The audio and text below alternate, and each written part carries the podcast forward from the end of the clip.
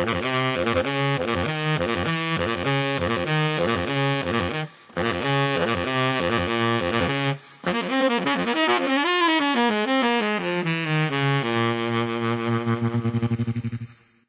w audycji Kind of Jazz. Dzisiaj tu Mateusz Golami i moim gościem e, dzisiaj Paweł Szamburski, e, znany warszawski muzyk ze sceny improwizowanej, takiej niezależnej można powiedzieć, związany między innymi z wytwórnią Lado ABC, która się specjalizuje w takiej trudnej muzyce, można powiedzieć, wyrafinowanej, ale też na pewno dającej dużo satysfakcji słuchaczom.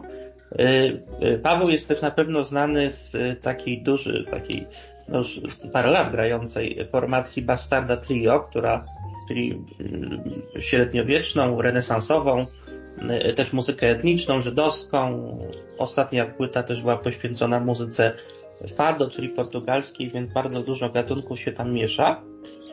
Witam, witam, witam serdecznie, witam. Witam Ciebie, witam Państwa. I chciałem Cię może na, na początek podpytać właśnie o Bastardę, bo tam dużo, dużo tych płyt nagrywacie. I właśnie chciałem Was, chciałem Cię zapytać, jak to, jak to się dzieje, znaczy, jakie są jakby kierunki Waszych poszukiwań? Czy to są takie poszukiwania trochę, trochę jakby, jakby, czy, czy jest może jakaś logika w tym, czy to po prostu jest takie poszukiwanie, no, e, e, szukamy różnych ciekawych rzeczy z różnych kręgów kulturowych i jakby do wyczerpania, prawda? Czyli jakby dopóki jakby nie, jakby nie znajdziemy takiego kręgu kulturowego, w którym być może nasza muzyka się najbardziej osadzi. Czy to po prostu jest taki, takie poszukiwania jakby, no jakoś tam ukonkretyzowane na jakiś jakąś ideę, czy po prostu chodzi o różne kręgi kulturowe? Może tak. Yy, wszystkie te rzeczy, których dotykamy i inspirujemy się nimi w naszej pracy twórczej, bo też oczywiście są to e, źródła e, wyjścia do, do komponowania przez nas muzyki autorskiej, zawsze praktycznie, to te źródła, no najczęściej wybór, wybór źródeł i, i tych kręgów, o których wspomniałeś, załóżmy, czy takich przestrzeni w tekstach kultury, wynika głównie z moich, ale też chłopaków zainteresowań i tego, co e, jakby na naszej drodze było ważne w rozwoju, co, co pozwala nam też się wypowiadać w autorski sposób. Czyli zaczęliśmy rzeczywiście od średniowiecza, od muzyki dawnej. Tutaj e, to był mój, e, mój koncept i wybór. Ja chciałem po prostu dotknąć takich źródeł kultury e, naszej muzycznej, ale europejskiej ogólnie, ale sięgnąłem w tym momencie do spuścizny i kompozycji i e, tekstów e, Piotra z Grudziądza, średniowiecznego kompozytora, też mm, poety, pisarza, twórcy, księdza, który tworzył no, nie tylko w Polsce, ale w ogóle w Europie Środkowo-Wschodniej mnie tam po prostu zafascynowały jego linie melodyczne, to jak on kontrapunktuje głosy, to co robi z muzyką i to, było, to był pierwszy punkt wyjścia do naszej pracy nad Promitat Eterno, czyli pierwszym albumem, potem siłą napędu, jakby muzyką dawną, tego, że Tomek Pokrzywiński też mocno siedzi w tym em, rejonie jakby, no bo on jest zawodowym wiolonczelistą barokowym i zajmuje się muzyką dawną zawodowo. Skręciliśmy w temat, który E, był szerszy. No tutaj renesans oczywiście średniowiecze jako punkt wyjścia do materiału muzycznego, ale tutaj zajęliśmy się tematem śmierci, ars moriendi, czyli sztuka umierania, czyli podeszliśmy do jakby samego takiego kulturowego aspektu śmierci w kulturze i tego, jak ona była oswajana w muzyce i jak my możemy dzisiaj ją też w jakiś swój sposób autorski oswajać. E, kolejny, kolejny zakręt przy trzecim albumie to był nie tylko zakręt, ale w sumie jakiś powrót do też moich korzeni i Michała Górczyńskiego korzeni e, muzyki, którą graliśmy przez lata w zespole Cukunft, e, ale też w różnych innych formacjach, czyli muzyka żydowska e, i w tym przypadku to były mistyczne niguny hasyckie, pieśni bez słów, więc bardzo naturalne też pole do eksplorowania. Kolejny temat to fado, o którym wspomniałem i to w sumie jest najbardziej zewnętrzne w stosunku do naszego, załóżmy, rejonu kulturowego, no bo pierwsze trzy albumy, no to jest Polska i Europa, załóżmy Europa. Europa Wschodnia, Europa Środkowa i niguny jak najbardziej hasyckie polskich Żydów. A tutaj Fado nagle, skąd Fado i Portugalią? To tutaj mm, temat przyszedł niejako z zewnątrz do nas i yy, yy, była sugestia, żeby opracować z João de Souza pieśni Fado. Yy, było to zamówienie od Instytutu Camoesza i Ambasady Portugalii, więc niejako zewnętrzne zamówienie, ale y, okazało się, że bardzo spójne z naszym językiem instrumentalnym, z naszym językiem takim intymnym grania, bardzo, bardzo cicho w sumie w intymnej relacji. João też tak realizuje fado, nie egzaltowany sposób romantyczny, tylko właśnie taki subtelny, więc bardzo się to zgodziło i okazało się, że to świetna płyta z tego wyszła w ogóle. Potem kolejne rejony to, to folk, polski folk, polski folk, ale folk pogranicza również. I tutaj płyta z chórem SWPS-u, Kołowrót, który, płyta, która dotyka rejonu po prostu rytuałów przejścia w muzyce, w kulturze, w, w obrzędowości polskiej, ale też po prostu w, takich, takich źródeł kultury znowu to dotyka, tylko tym razem nie nie załóżmy profesjonalnej muzyki, tak jak muzyka e, dawna, tylko muzyki etnicznej, folkowej, tradycyjnej. E, potem e, mamy płytę z Sutari, która też z kolei dotyka tematu kultur pogranicza, mieszania się tych kultur, czyli znowu też jakby źródła z mojego wykształcenia. Ja jestem etnografem z wykształcenia, więc tutaj też bardzo to wszystko spójne, też up-to-date temat i e, ciekawy, inspirujący do wytwarzania też własnych, własnych aranżacji muzyki. A ostatnia płyta, jaką nagrywaliśmy, taka też niejako na zewnętrzne zamówienie, to było zaproszenie przez y, orkiestrę Holland Baroque. I tam y, znowu wróciliśmy niejako do muzyki dawnej, do źródeł średniowiecznych, do, y, do twórczości poezji y, Hadewig z Brabancji, na której to oparliśmy autorski w sumie repertuar nasze kompozycje i Judith Steinbrück kompozycje, e, które nagraliśmy w Holandii. A na ostatniej płycie, którą wydajemy w marcu, e, e, to będzie trzypłytowy album.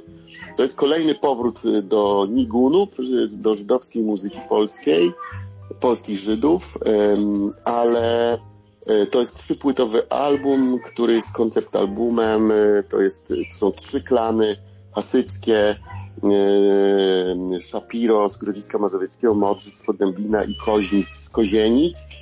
E, no i, e, no i tak jakby oscylujemy. Gdzie zajdziemy dalej, nie wiem, ale mamy jakiś taki otwarty plan nagrania naszych interpretacji i rekompozycji muzyki polskiej, muzyki filmowej, w tych wszystkich najwybitniejszych kompozytorów polskiej muzyki filmowej, załóżmy powojennych głównie.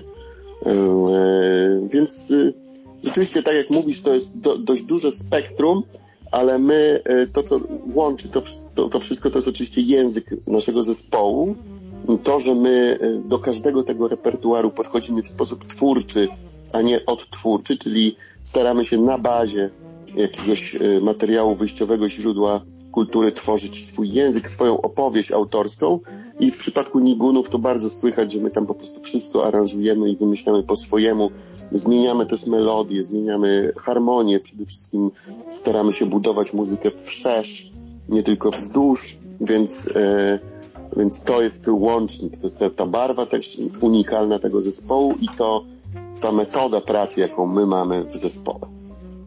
Mhm, mhm. Dzięki Ci za, za, za fajną, wyczerpującą odpowiedź. A właśnie chciałem też zapytać, bo, bo tak sobie teraz myślę, że takim może łącznikiem e, całej twórczości Bastardy i też, też e, twojej solowej, przynajmniej tej, tej bardziej współczesnej, jest takie, e, ja bym to określił trochę wołanie o duchowość, prawda, we współczesnym tak. świecie, bo no cóż, to, to, jest, to jest oczywiście znowu też jak najbardziej prawdziwe e, z Twojej strony spostrzeżenie i refleksja, e, że ja tak w sumie zacząłem ten rodzaj poszukiwań już na Cerapidis Capitata, czyli na swojej pierwszej płycie solowej, która była stricte wokół muzyki religijnej skupiona i była właśnie próbą jakiegoś takiego no podejście w ogóle do tematu mistyki, czy duchowości, czy liturgii, czy jakiejś modlitwy swoistej w muzyce potem średniowiecze, no to też jest w zasadzie tylko i wyłącznie modlitwa przez muzykę, co, co w jakiś sposób jest zadaniem y, karkołomnym dzisiaj, ale możliwym, tylko trzeba po prostu też w odpowiedni sposób y, y, zdekonstruować, czy, czy na nowo poukładać jakieś swoje wewnętrzne aspiracje artystyczne czy, czy, wy, czy wyraz muzyczny. I tutaj to było dla mnie po prostu od pierwszej płyty solowej w jakiś sposób to się ciągnie, ciągnie gdzieś tam do dzisiaj ten rodzaj drogi. To było przede wszystkim e, rodzaj takiego wewnętrznego wyciszenia e, czegoś, co we mnie bardzo mocno napierało przez lata. Ja po prostu bardzo dużo grałem improwizowanej muzyki, ale też w różnych składach, bardzo gęsto, dużo, intensywnie i jakby mało czułem potem słuchając tej mojej muzyki, mimo że gdzieś odczuwam jakąś linię spójną z wczesnymi albumami swoimi, to, to jednak czułem, że e, jest tam dużo romantyzmu jakby, ale mało przestrzeni, w ogóle mało ciszy, mało pauzy, nie ma takiego jakiegoś spokojnego zastanowienia się nad dźwiękiem, nad esencją dźwięku. I poczułem taką potrzebę i w sumie tą potrzebę gdzieś tam z Bastardą realizujemy. I tutaj doskonale to przeczytałeś, że tam jest dużo e, jakby czasu po prostu e, na, na dźwięk. I też przez to y, pojedynczy dźwięk, pojedyncza nuta jest podana w inny sposób i ona mo może dużo więcej znaczyć niż w tym samym czasie podanych 10, 10 nut, tak, w szybkim przebiegu.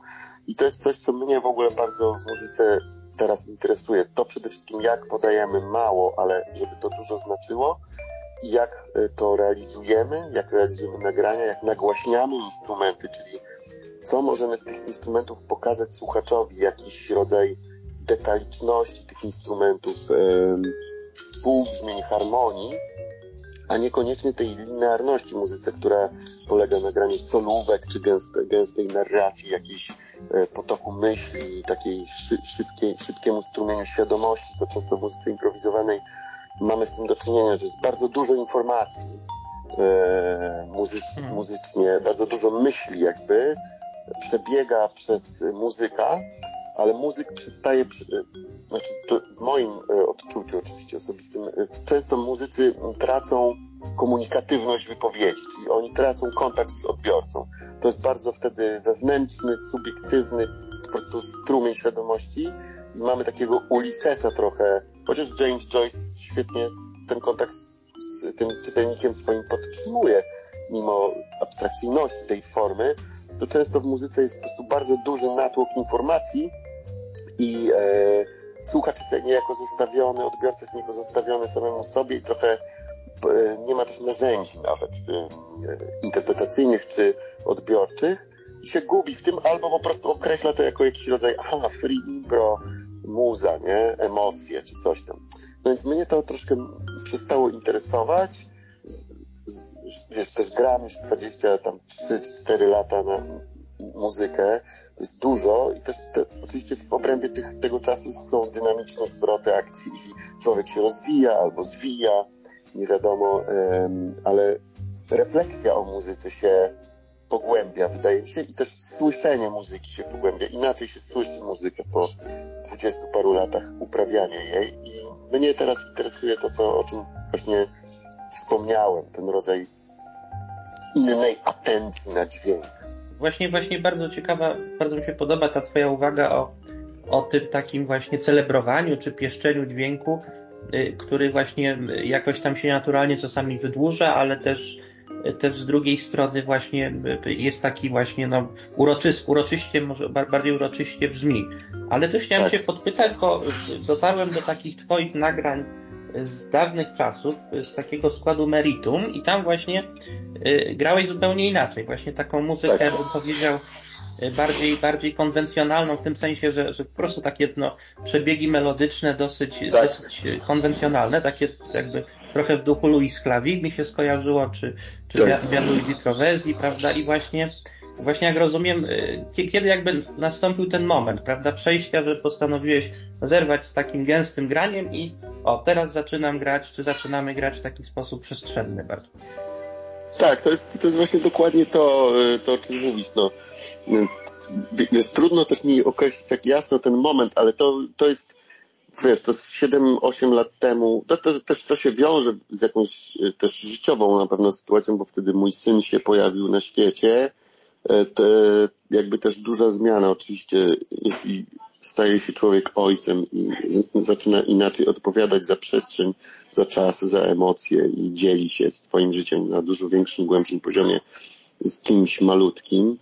Eee, ale to być może to był duży aspekt taki wpływu na, na tą przemianę, ale też wydaje mi się, że też tak artystycznie, czy tak twórczo, czy tak muzycznie stricte to po prostu rodzaj wyczerpania też, bo mhm. dochodzi, się, dochodzi się w pewnym momencie do jakiejś takiej granicy, do, do takiej subiektywnej oceny, które, że coś wyczerpało się, coś się wypowiedziało i trzeba poszukać dalej, trzeba się chce, chce się człowiek rozwijać, chce coś przełamać w sobie i, i moim zdaniem to było właśnie to przełamanie, to, to o czym mówisz, że to wyjście z linearności samej sobie, takiej, że po prostu muzyka się dzieje w, w czasie linearnym, czyli opowiada się melodiami, przebiegami rzecz i tylko zatrzymanie się, no, na, na, na, no, no tutaj akurat też duża zasługa, jeśli chodzi o bastardy, to jest duża zasługa i wiedza, którą zdobywam od Tomka Pokrzyńskiego, czyli poszerzenie muzyki e, w tym pionowym spektrum, czyli w harmonii.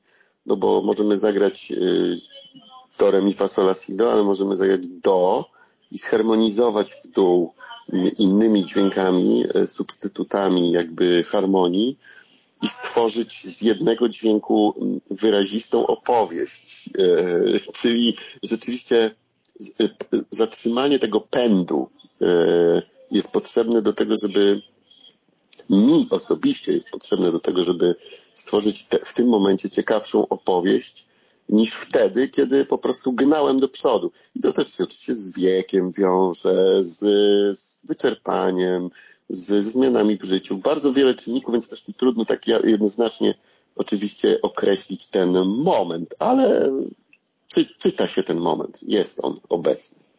Mhm, mhm. E, a e, właśnie chciałem Cię podpytać o Twoje inspiracje, bo to zawsze pytanie pewnie warte zadania, czy, czy na, na przykład na obecnym etapie już jako dosyć, dosyć dojrzały i tak jakby ugruntowany w sensie, w sensie pewnie techniki i gustu muzyk, czy, czy jakby śledzisz na bieżąco na przykład co się dzieje w ogóle w różnych gatunkach muzyki, czy raczej, raczej po prostu no słuchasz rzeczy, których już tam powiedzmy, które już, które już znasz, które już jakoś tam są dla Ciebie sprawdzone, albo może w ogóle mało słuchasz, głównie tworzysz?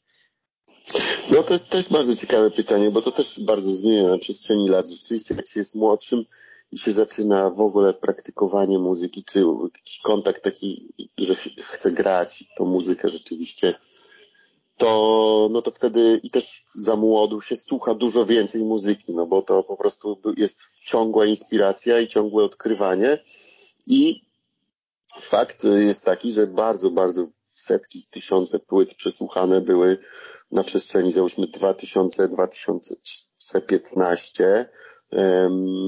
No a ten proces takiego, takiej fascynacji z odkrywania nowych rzeczy, on też się wyczerpuje. Podobnie jak się wyczerpuje bo już tyle przesłuchało się tych rzeczy i tylu tych muzyków się zna i jakby koncerty, płyty, to jest, to jest ciągłe, ciągłe, ciągłe obcowanie z tym. I też z wiekiem, to jest takie smutne, to jest smutne w sumie, co ja mówię, ale y, z, rodzaj zgorzkniałości jakiejś takiej estetycznej się pojawia, że po prostu dużo mniej rzeczy się podoba człowiekowi. W sensie ale to mhm. podoba się, to, to, to podobanie się, nawet ono się nie wiąże z przebywaniem z dobrą muzyką, bo jest mnóstwo dobrej muzyki, ciekawej i, e, i pięknej, która nam nie działa, tak? Ale to podobanie się mi się wydaje wiąże z odkryciem. I trudno, trudniej jest już teraz odkryć coś takiego, co naprawdę zrewolucjonizowałoby moje spojrzenie na dźwięk czy na muzykę, a te odkrycia, wiesz, 10 czy 15 lat temu się zdarzały często. Były procesem po prostu. Odkrywałem coś, o kurczę, ale oni grają, o Jezu, ale narracja, o fuck, jakie połączenie instrumentów, o Jezu, a tutaj coś, a tutaj coś. To takie odkrycie to się zdarza już, nie wiem, raz na rok, może maksymalnie, że usłyszę coś, co naprawdę mną szarpnie i stwierdzę, że kurczę, to za wspaniała rzecz, nie? Właśnie. I teraz zauważyłem też, że odkrycia już nie są nawet na polu muzyki, tylko bardziej realizacji właśnie dźwięku albo produkcji dźwięku. Takie rzeczy są w tym momencie dla mnie ciekawe, inspirujące. Ale słuchać muzyki słucham dużo. Staram się cały czas gdzieś tam też szukać, e, jakby patrzeć na nowe rzeczy i też śledzić jakoś tam nurty, chociaż oczywiście wiadomo, że też się nie da tego zrobić, bo nie ma na to czasu, tyle ile było wtedy i też jest dużo więcej muzyki dzisiaj i dużo więcej zespołów. Jak ja miałem, wiesz, 20 lat, to było, to była trójmiejska scena, warszawska, pączkująca scena i nie wiem, bydgosko, krakowska jakaś też, no ale to, wiesz, zespoły można było wymienić takie poszukujące, czy troszkę bardziej awangardowe na palcach naprawdę jednej, dwóch rąk.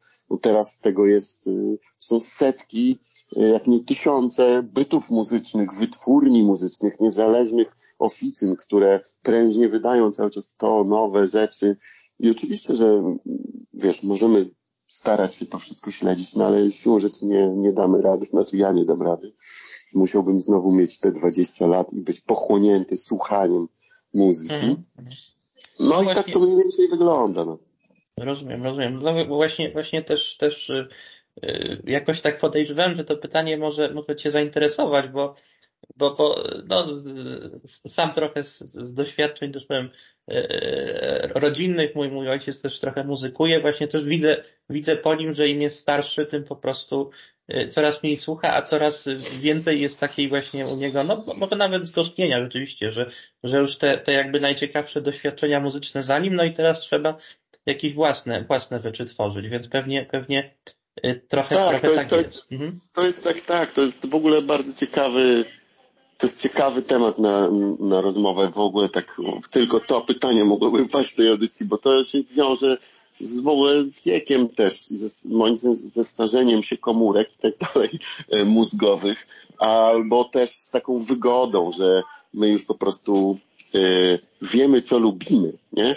I to też, taka wygoda, że ja już wiem, że sobie puszczę dobry barok w wykonaniu Freiburger, Freiburger Barok Orchester, którzy grają to świetnie, e, to ja wiem, jakby mam ten comfort zone swój, w którym wiem, że po prostu będę obcował z bardzo dobrą jakością muzyki barokowej, albo puszczę sobie, nie wiem, ze współczesnych rzeczy Rosemary Stanley z Dom Laleną, jeśli chcę posłuchać kameralistyki świetnie zaśpiewanej, Czyli po prostu e, wracam do swoich stref komfortu, bo mi się nie chce, wiesz, właśnie wychodzić z tej sfery komfortu i to jest starość, na tym polega.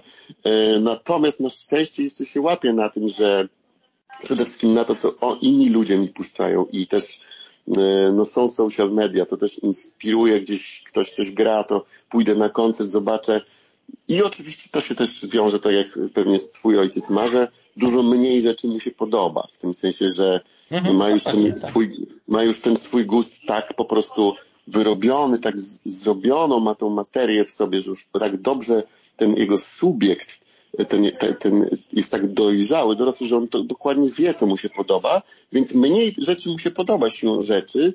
Yy, i, yy, i też rodzaj jakiej otwartości jest być może mniejszy, aczkolwiek ja na przykład nie mam w ogóle w sobie czegoś takiego, że jak mi się coś nie, nie podoba, czy nie trafia do mojego gustu, to nie, nie, nie mam czegoś takiego często jak starzy ludzie mają, e, że e, e, robię taką generalizację, że to jest złe. Nie, ja wtedy tylko mówię, to mi się nie podoba na przykład, nie?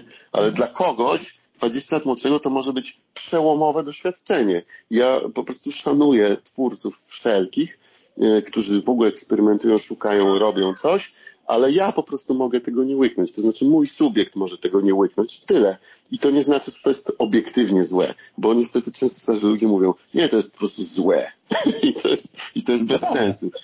To jest dla mnie, to jest dla mnie, to nie jest dla mnie. To na przykład nie jest dla mnie muzyka. Ja często mówię, kurczę, no super, ale to nie jest dla mnie w ogóle muzyka. To znaczy mój, mój ten subiekt, mój, mój odbiorca wewnętrzny, um, odwołując się do lutosławskiego postscriptum, mój wewnętrzny odbiorca nie jest content, nie jest zadowolony, ale to nie oznacza od razu, że nie, to jest słabe, nie? Ja nawet pamiętam, bo przygotowując się do, do dzisiejszej rozmowy, słuchałem Twojej rozmowy z Robertem Mazurkiem w dwójce i właśnie Robert Mazurek Cię pamiętam zagadnął o muzykę disco polo, disco polo prawda? I Ty właśnie tak. dokładnie powiedziałeś to samo, że, że no ja nie wartościuję, prawda? Że, że może disco tak. polo za, za jakiś tam czas się okaże jakimś skarbem kultury narodowej i, będziemy właśnie tak jak dzisiaj, prawda? Przerabiać Y, w takim duchu jak, jak Bastarda na przykład muzykę disco polo. To może, może Absolutnie, może tak, tak, tak, tak, tak. To jest, wiesz, to jest, o, a jeszcze oprócz tego właśnie, o czym y, powiedziałem, to to, co ty wspomniałeś, czyli w ogóle też kontekst czasu, nie? I kultury, i prze, przebywania mm, danych tekstów kultury w czasie. To znaczy, yy, nigdy nie jesteś w stanie tak jasno, będąc na przykład w jakimś okresie, w którym coś jest żywotne i żywe, określić, jakie będzie miało znaczenie za 100 lat, tak? I, i, i to najlepiej pokazują wybitne rzeczy, wybitnych kompozytorów,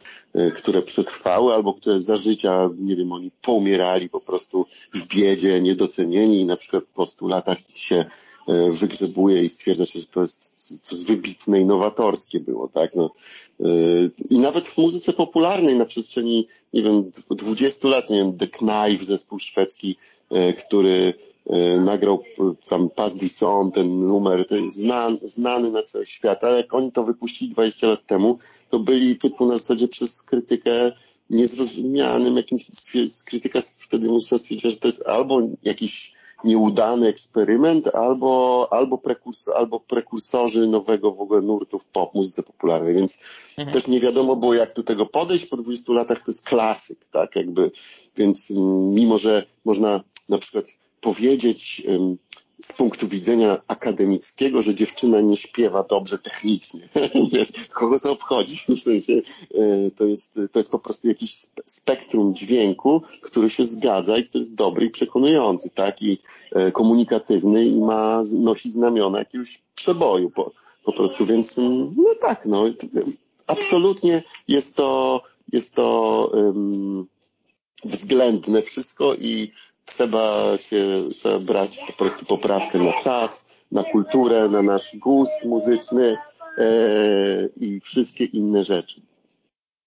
Tak, ja się właśnie e, też, też właśnie nad tym zastanawiałem ostatnio e, trochę, nad tym, o, o czym mówisz, właśnie nad tym jakby też e, ukontekstowieniem muzyki w danym na przykład czasie, prawda, bo też y, zwróciłem, zwracam uwagę, że na przykład w, dzisiejszych, w dzisiejszej na przykład muzyce improwizowanej polskiej y, dominują, czy, czy, czy są dosyć modne takie właśnie długie też transowe dźwięki, prawda? I to nie wiem, y, albo taka muzyka bardzo mocno eksperymentalna, często poszarpana też, a na przykład w latach 90., prawda, był taki by, był właśnie modny taki free jazz, jak nie wiem, grupa Miłość na przykład uprawiała, prawda? Więc może to jest mhm. trochę tak, że, że ja tak sobie to, to czytam, że na przykład lata 90. to był ten okres uwolnienia i wtedy ta muzyka też była taka pełna takiej właśnie, takiego uwolnienia, a potem tak. trochę, trochę to, to, to, to, to jakby uwolnienie zeszło, no i jakby zaczęto grać takie rzeczy trochę bardziej może, może mistyczne, może nawet ponure trochę, ale jakby oddające nastrój innej epoki, więc, więc absolutnie też, też się zgadzam z tym, że pewnie tak, tak, tak. My, my tkwimy w jakichś epokach i nawet sami do końca nie wiemy, dlaczego na przykład coś nam w duszy gra, może to właśnie wynika z tego, że żyjemy w takim dziesięcioleciu na przykład, a nie innym, prawda? Tak sobie No, dokładnie to, dokładnie tu się zgadzam z każdym słowem. To jest, i to, to naprawdę widać nawet na przestrzeni właśnie, tak jak mówisz, dekady. To nawet nie widać na przestrzeni, wiesz, 20 czy tam pokolenia, ale już na przestrzeni dekady bardzo wyraźnie widać, tak jak mhm. wspomniałeś, lata 90. na przykład, gdzie totalnie modne było właśnie to, te lata 90. były takim otwarciem e, na różne style, gatunki muzyczne i jakby była ogromna moda w muzyce zarówno jak eksperymentalnej, też improwizowanej na taki cut and paste, czyli że łączenie gatunków w obrębie jednego utworu i to, nie wiem, y, zapoczątkowało załóżmy Naked City Johna Zorna, nie, że masz mhm. po prostu tutaj nagle jazz, tutaj masz hard, hardcore rock, po chwili ktoś się drze, po chwili ktoś śpiewa operowo i jakby masz cut and paste. I to było strasznie modne i strasznie w ogóle takie, no w Warszawie też z tym jarali, że właśnie tu trawestujesz taką, tu taką konwencję, tu taką, żonglerka takimi konwencjami jakby i że to było takie nowatorskie, a, a z punktu widzenia dzi, dzi, dzisiejszego takiego, no jakby, jakbym to usłyszał, to bym stwierdził, że to jest cheesy albo że, e, że lol, nie? W sensie, że o co chodzi, kurde, mhm. że to jest, że to jest, że to jest psa, psaśny zabieg albo że no po prostu, ale ten zabieg musiał się wydarzyć, żeby się zestarzeć i stwierdzamy już teraz, że to jest takie, taki, taka śmieszna zabawa, ale to nie niesie ze sobą jakiejś głębszej treści, więc i to przez dekady, dwóch dekad to już wszystko się weryfikuje, więc tu się zgadzam, że rzeczywiście zupełnie inna scena była w muzyce improwizowanej, inna była improwizacja, inna intensywność wtedy w latach 90. czy 2000 nawet, a inna jest dzisiaj też i też oczywiście to, co powiedziałeś, to się zgadzam, że żyjąc w obrębie pewnego czasu, nie mamy dystansu do tego czasu, więc tkwimy w pewnych mm, nurtach, czy, w, czy naleciałościach, czy pewnej presji kultury, społeczeństwa, oczekiwań, no wielu, wielu, wielu, wielu rzeczy, które się składają na, na ten wyraz ostateczny, który do nas dociera i który wyrażamy jako twórcy. No właśnie, chciałem cię, chciałem cię podpytać o ten, o powiedzmy tą, tą przeszłość taką, nie też taką odległą, o której teraz rozmawiamy, czyli powiedzmy na przykład początek lat 2000, kiedy ty zaczynałeś i też lata 90., które wspominasz. Czy, czy nie uważasz, że bo powiedziałeś, że uważasz, żebyś dzisiaj powiedział, że to jest takie trochę cheesy, naiwne, prawda, ale czy na przykład nie myślisz też, że, że może, może właśnie wtedy być może, y, być może przesadzam, ale tak, tak, taką tezę bym postawił, że było po prostu więcej wolności w muzyce, więcej takiej przestrzeni też do pewnych bardziej odważnych może eksperymentów, że dzisiaj jakby trochę, trochę takie rzeczy, jakie ty grasz na przykład są, są w bardzo dużej niszy, prawda? Kiedyś może w latach 90. czy 2000 może aż tak nie było. No, myślę, że było więcej przestrzeni, bo było mniej twórców, było mniej muzyki e, i to naprawdę tak odczuwalnie mniej. Były też mniej możliwości, no bo nie było social mediów, e, nie było, nie, nie, nie każdy miał domowe studio z mikrofonami i prampami i nie każdy mógł robić muzykę, tylko to było jakby sprofesjonalizowanie e, bardzo działanie i no było mniej, przez to też było mniej twórców, mniej eksperymentów, więc było więcej przestrzeni i być może też, kurczę, kto wie, no ale łatwiej było de facto e, wytworzyć jakąś oryginalną jakość, bo jak jest więcej przestrzeni, no to można wytworzyć oryginalną jakość. Dzisiaj jest po prostu ta przestrzeń bardzo mocno zapchana, więc rzeczywiście moim zdaniem łatwiej jest łatwiej jest tak nuklearyzować te, te rzeczy, czyli że one się stają małymi banieczkami, właśnie często niszami nisz, nie? że ja i tak na szczęście, wiesz, tak jak obserwuję, to, to jest też oczywiście aspekt tego, że pracujemy już od dwóch, dwóch dekad, załóżmy, tutaj jako środowisko, muzycy i tak dalej, więc jakąś tam rozpoznawalność, załóżmy, mamy taką, że zaspokajamy, załóżmy, E, organizatorów festiwali czy, czy wydarzeń, że ta publiczność się pojawia. To znaczy my mamy jakąś tam publiczność już, ale oczywiście z punktu widzenia popkultury czy kultury masowej jest to bardzo cały czas malutka nisa ludzi, nie wiem, którzy słuchają dwójki, czy w ogóle się interesują jakąś sztuką wysoką, czy jazzem, czy eksperymentem, no to to jest nadal nisza. To są, wiesz, to są, to jest rzędu kilka tysięcy w Polsce, nie? To jest taka liczba, e, mhm. a nie kilka milionów, tak jak w muzyce popularnej, więc e, nie mamy do kogo tam doskakiwać, aczkolwiek nawet też nie mamy chyba, mówię my jako środowisko, załóżmy takich twórców tutaj post Lado ABC, E, nie mamy też takich aspiracji, nigdy nie mieliśmy takich aspiracji, żeby doskakiwać do jakiejś tam popularnej muzyki, czy tej, tego spektrum odbioru, czy, czy publiczności, no bo tutaj trochę ani nie ma szans rynkowych, ani nie ma też takich właśnie aspiracji, więc no nie wiem, nie wiem, no odpowiedź na to pytanie nie jest taka prosta, ale wydaje mi się, że teraz e, nie wiem, czy jest łatwiej, czy trudniej z tym, czy to jest jeszcze większa nisza, E, może to się wiąże z, z czasem przeszłym, natomiast wtedy na pewno była większa przestrzeń do wytwarzania nowych jakości, ponieważ nie było tylu tych jakości dookoła, nie? Mhm, mhm. Y, y, jeszcze Cię chciałem y, podpytać, bo ciągle krążymy też wokół tematu tych Twoich inspiracji, a czy, czy przyznałbyś się mniej i naszym słuchaczom, jakby jakie konkretne nazwiska na przykład, tak, tak, no powiedzmy, do dzisiaj są takimi Twoimi kamieniami milowymi, nie wiem, właśnie w, w kręgu. Tak. No, to, to poprosiłem. Jasne, jasne, jasne. No dla mnie, wiesz, to są takie jeśli chodzi o gatunki, no to gatunki muzyczne najpierw, a potem nazwiska, bo to też e, na przestrzeni tych lat mm, te inspiracje były takimi kamieniami milowymi właśnie, tak jak wspomniałeś, takimi ważnymi wydarzeniami, które można odhaczyć i jakby stwierdzić, że to miało duży wpływ na mnie, na moje poczucie takiego kontaktu z muzyką i emocji moich, to na pewno liceum i nawet jeszcze podstawówka, no to muzyka metalowa i e, death metal głównie. Ja zbierałem z bratem e, dużo metalu i ten, ten rodzaj riffowości, ciężkości, mroku i takiego ekstremalnego przesunięcia jakiejś granicy w muzyce mi towarzyszył od, od małego i ten metal bardzo się mocno we mnie, we mnie osadził. A potem była w liceum już muzyka bardziej eksperymentalna, której zacząłem słuchać i, tu, i, i, i tutaj E, w zasadzie no liceum i studia, no to takie najważniejsze nazwisko, no to jest John Zorn i wytwórnia Sadik Records z Nowego Jorku, która to wytwórnia miała podobne znamiona w sumie jak potem nasze Lado ABC tutaj stołeczne, czyli to była wytwórnia dom e, artystyczny, w którym gromadziło się bardzo wielu twórców o różnych proweniencjach, różnym pochodzeniu artystycznym, bo był tam, nie wiem, załóżmy Mark Ribot, który grał z Tomem Waitsem, a była też Carla Kilstead, czy, czy nie wiem, muzycy kameraliści z Bostonu, czy mnóstwo kompozytorów bardzo ciekawych, czy, czy nie wiem, Syro Batista z Brazylii, tak? Więc bardzo różni twórcy zgromadzeni wokół Sadik Records i e, no ja przez, przez lata zbierałem fas, zafascynowany tą muzykę, i, e, no i tutaj duży hołd i też, no po prostu to jest ten rodzaj stajni, który mnie wychował.